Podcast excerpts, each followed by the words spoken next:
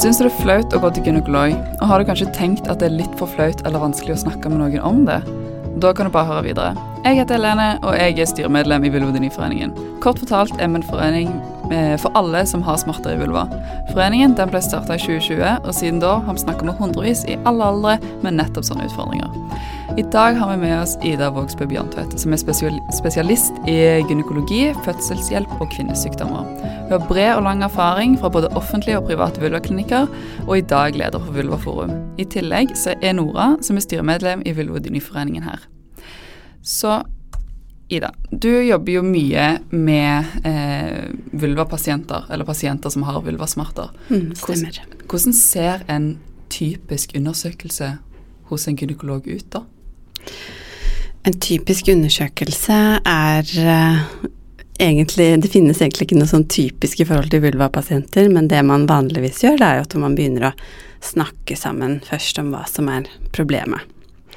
Så det første er jo anamnesen, og det tenker jeg er viktig som pasient at man har, har en litt sånn oppfattelse av hva man skal si til gynekologen innledningsvis, sånn at gynekologen kan få en liten sånn heads up i forhold til hva som er problemet. Og når man da har hatt den anamnesen, så er det jo over til undersøkelse. Og da er det jo denne stolen som mange gruer seg til. Og kle av seg nedentil og bena opp. Og når vi skal undersøke for vulvalidelser eller vulvasykdommer, så har vi en litt annen type undersøkelsessetting. Så vi bruker eh, litt andre typer instrumenter og prøver egentlig å begrense antall instrumenter. Det er ikke sånn at vi nødvendigvis gjør alle de undersøkelsene som man gjør på en vanlig rutine. Undersøkelse hos gynekolog, da. Mm. Så du må liksom ikke inn med det spekelet og åpne fullt og beina opp i været, skulle jeg til å si? Absolutt ikke. Så jeg Nei. tenker at det, her er det pasienten som bestemmer hva vi skal gjøre, og pasienten som bestemmer når det eventuelt skal avbryte en undersøkelse, eller om man kan få lov å fullføre, da. Ja, for du kan avbryte en undersøkelse, og du kan si 'nei, dette gjør vondt, dette vil jeg ikke'? Det kan man alltid gjøre, og det er veldig viktig. Ja, vi har jo fått noen fra eh, medlemmene våre som har sagt at eh, de syns det er vanskelig å si ifra. Da. Har du noe tips eller råd til de som syns det er vanskelig å si ifra, eller kanskje føler at de ikke blir hørt når de sier ifra? Ja, og det tenker jeg det er derfor det er så viktig med den innledende samtalen. At man forteller at jeg, jeg har tidligere opplevd at undersøkelse har vært vanskelig, eller eh, kan vi ha en avtale om at vi bryter hvis jeg syns at dette blir smertefullt, eller at det blir, det blir for mye. Det tenker jeg er viktig å avklare dette på forhånd før selve undersøkelsen begynner. Og det er det alltid pasienten som bestemmer, ikke gynekologen. Mm. Men hva kan gynekologen da gjøre for at eh, undersøkelsen eller besøket da skal bli mer behagelig? Har, de, har du noen liksom, tiltak annet enn å stoppe når pasienten sier stopp? Jeg har veldig tro på dette med tid. At uh, man har satt av god tid til undersøkelse. At man har hatt en god samtale før undersøkelsen, for da er det jo lettere å rette de målrettede undersøkelsene og prøve å finne ut av hvor smerten sitter. Når man har snakket sammen på forhånd. Det tenker jeg er det viktigste. Tid og en god kommunikasjon. Det er én ting som jeg ofte har hørt selv, da, og det jeg tenker at uh, når jeg har hørt det av flere spesialister på forskjellige sykehus, så har kanskje andre i foreningen også hørt det, men det er den setningen som er uh, Dette kan være ubehagelig, men det kommer ikke til å gjøre vondt. Um, ja, og da føler man at da kanskje ikke legen hørt hva man har sagt da i, gjennom nesen eller i den samtalen man har først. Mm, det er helt enig. Og det å på en måte fortelle andre hva som er vondt og ikke, det kan vi ikke gjøre som noen leger. Fordi jeg kan ikke oppleve hva du syns er vondt, og vice versa. Så smerte er jo subjektivt, sånn at det må vi alltid huske på. Så jeg tenker det å si at dette går fort over, eller dette skal ikke gjøre vondt, det kan vi ikke gjøre når vi jobber med vulvalidelser. Det er veldig viktig. Og andre typer smertetilstander også. Så det er ikke nødvendig med en full gynekologisk undersøkelse hver gang, og du kan stoppe hvis det er vondt. Helt korrekt. Og du kan stoppe hvis det ikke gjør vondt òg, bare at du ikke vil. Hvis du føler rett og slett at dette blir for mye for meg i dag, så er det viktig å stoppe. Jeg pleier alltid å si at her er det du som må bestemme, og at uh, hos meg, i hvert fall på mine undersøkelser, sier jeg at vi har én regel, og det er at du sier stopp hvis du føler for det. For det er også en del av behandlingen, det å ha kontroll og bryte hvis noe blir vondt mm. eller vanskelig. Men når du skal, eh, eller har bestilt en gynekologtime eller har blitt henvist, hva kan du egentlig forvente da hvis du kommer dit med vulvasmerter? Jeg tenker at det er litt viktig at den som har disse vulvasmertene, har gjort en liten research på forhånd. Da tenker jeg at dere i Vulvadiniforeningen gjør en kjempejobb. Prøve å finne behandler som har erfaring med dette, og som vet hvordan man undersøker, og setter av god tid. Så det tror jeg egentlig er det viktigste rådet jeg kan gi. Finn behandler som f.eks. står på vulva.no, som er interessert i dette, for da må man også forvente som pasient at det er satt av god tid, og at man vet hvordan en undersøkelse skal foregå, eventuelt ikke foregå. Mm. Hva skal vi som medlemmer gjøre hvis vi ikke finner noen i vårt område? For Norge er et veldig landstrakt land. Og hvis vi går inn på disse listene, så er det noen ganger at det ikke er noen som er f.eks. der du bor eller i nærheten. Da. Hva anbefaler du da? Det er et kjempegodt eh, spørsmål, og litt sånn politisk, egentlig. Det er jo tre offentlige vulvaklinikker i Norge i dag. Eh, en i Tromsø, en i Trondheim og en i Oslo. Og så vet jeg at det jobbes iherdig for å få etablert flere tilbud. Um, men dessverre, som sikkert mange av medlemmene i Vulvadiniforeningen vet, så er det jo uh, flest private aktører, og da vil det jo koste ekstra. Og for de som kanskje ikke har en behandler i nærheten, så ville jo reiseveien koste ekstra. Så det skulle jeg ønske jeg hadde et godt svar på, men det er annet enn at det da blir det kanskje fort dyrt eh, mm. med reisevei, dessverre. Mm. Men hvis du, skal, hvis du har vært hos fastlegen og den vil ha deg til gynekolog, trenger du da en henvisning da? Ja, til vulvaklinikkene og de offentlige så må du ha det, og til gynekologer med driftstilskudd. Hos priva, helprivate så trenger man ikke det, så da kan man ta og ta kontakt selv og sette seg på mm. liste for når det passer. Men eh, alle disse gynekologene som er kjempeflinke og alt det, men hva kan de egentlig finne ut av? Eh, jeg tenker at de kan finne ut av hvorfor du har vondt. Fordi eh, vulvalidelser er jo så mangt. Altså det kan være Noen ganger er det hudsykdommer, noen ganger er det infeksjoner. Noen ganger så er det rene vulvodinier, vaginismer. Um, og noen ganger så kan det være andre årsaker til at man har vondt som ikke nødvendigvis trenger å være i relasjon til vulva også. Når du sier vulvodynier og vaginisme, hva innebærer det? Eh, vulvodyni, det er egentlig noe som vi beskriver kroniske smerter i vulva, altså ytre kvinnelige genitalia. Så pleier jeg å si det du ser, rett og slett. Mm. Um, og vulvodyni kan oppleves ofte liksom brennende, stikkende smerter. Noen har fortalt meg at de føler at det er en kaktus som sitter i vulva, ikke sant, av den type stikkende karakter.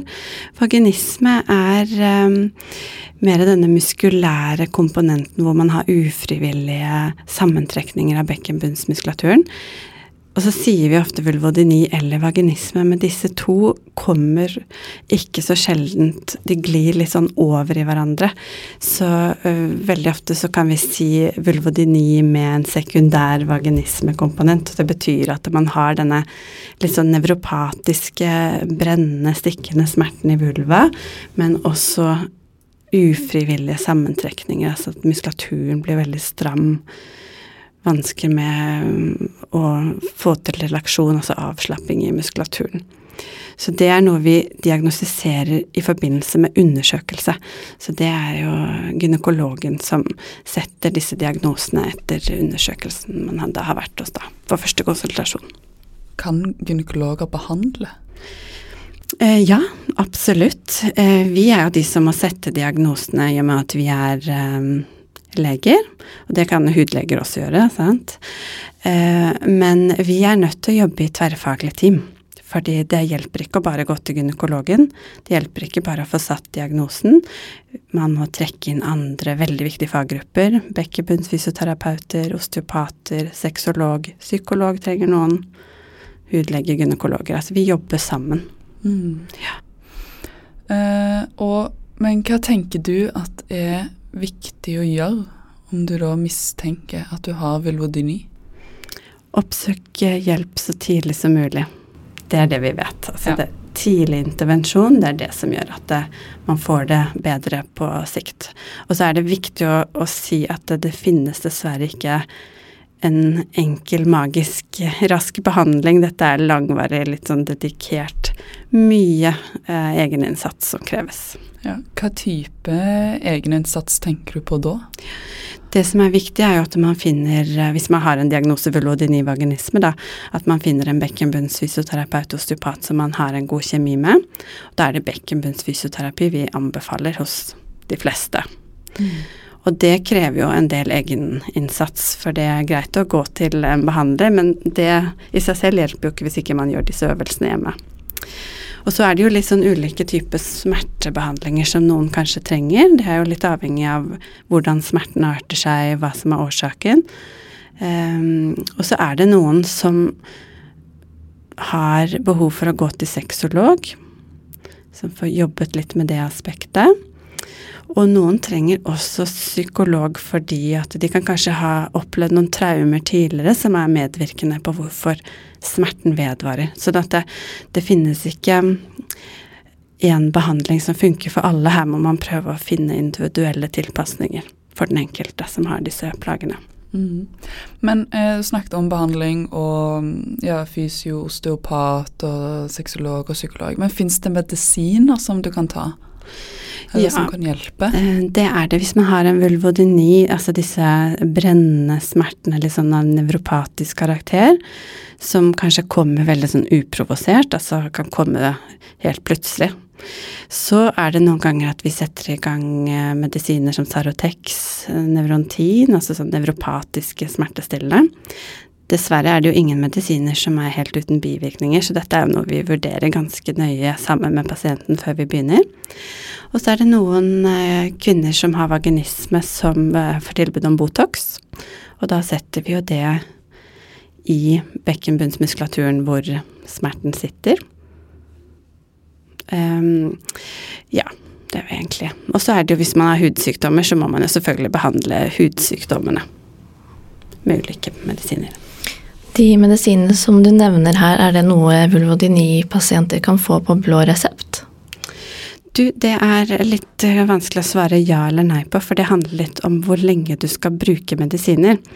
Så eh, Botox fins ikke på blå resept, men det får man dekket i de offentlige klinikkene inntil tre behandlinger.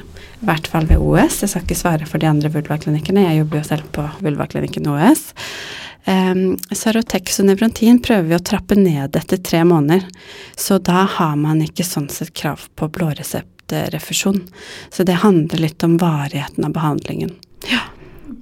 Men du nevner Botox, eh, og da tenker jo gjerne folk på eh, fillers i leppene og høye skinnbein.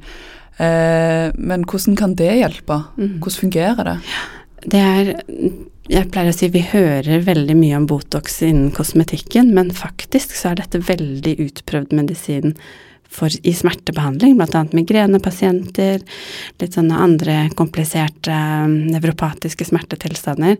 Men det vi gjør da i forhold til vaginisme, er at vi setter det jo inn i noen muskler som heter bulbocavernosus, sitter på en måte ved inngangen til skjeden der, og stikker Altså vi, det finnes litt forskjellige teknikker, da, men sånn som jeg gjør det, så setter jeg det på forskjellige innstikksteder der hvor pasienten har mest vondt.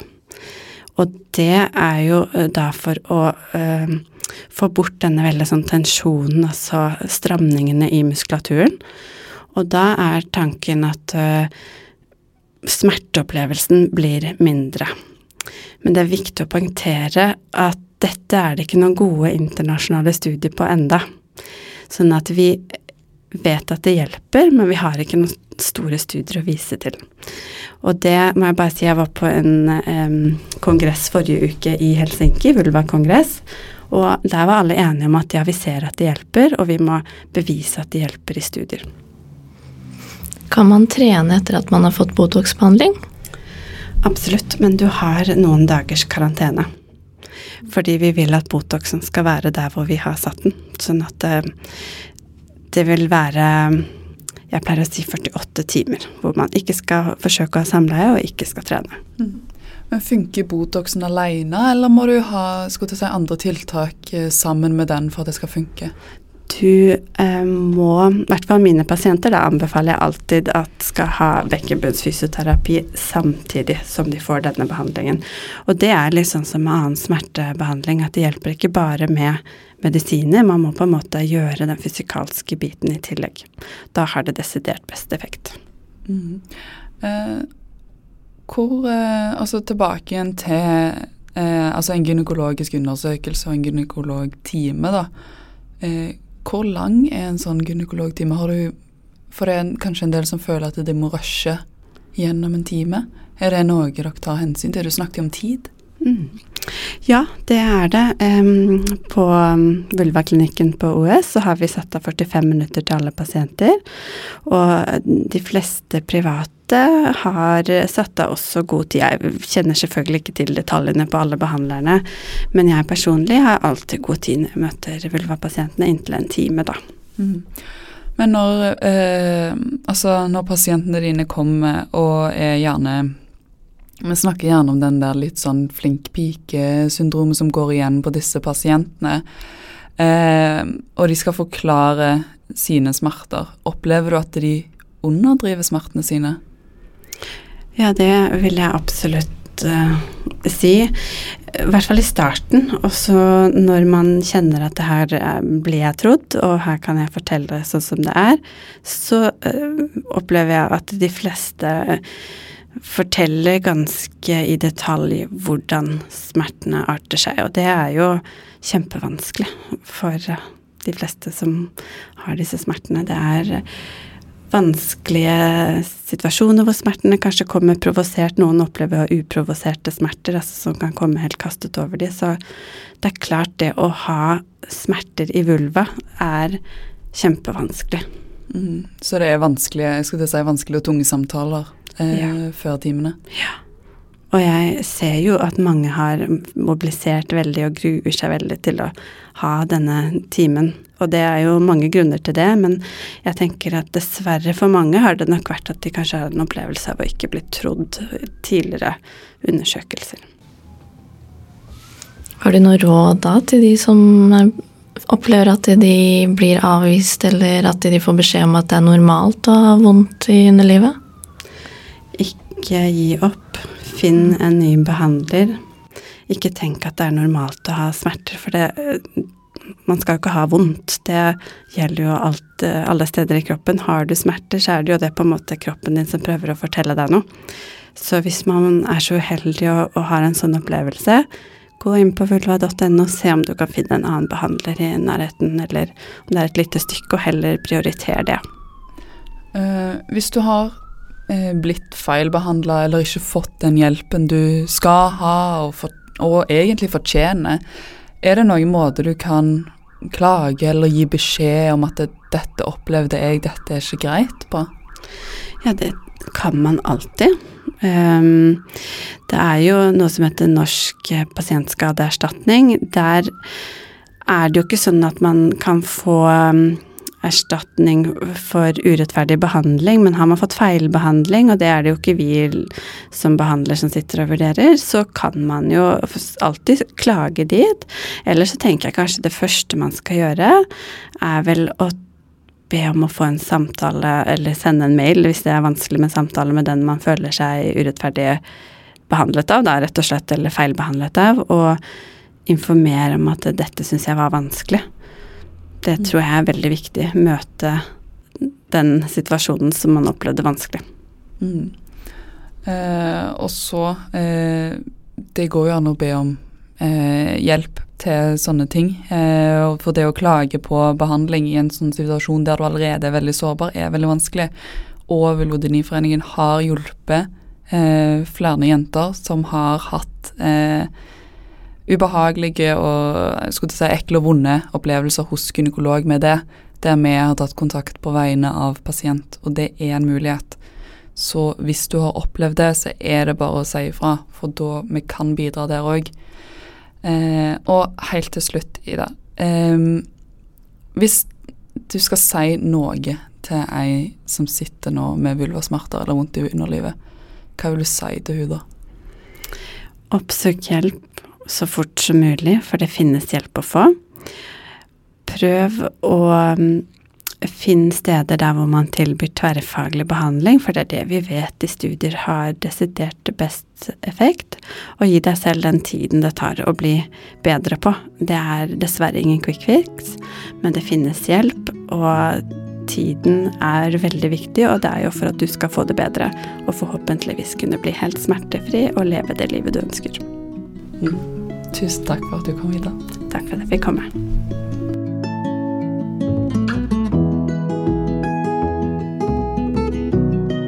Du har hørt en episode av Vulvarådet. Det er en podkast fra Vulvodyniforeningen. Du kan lese mer om oss på vulvodyniforeningen.no. Og du er velkommen til å melde deg inn i foreningen for å støtte vårt arbeid. Programleder det var meg, Helene Gjelsa, og podkasten er produsert av Oppland og finansiert av Helsedirektoratet.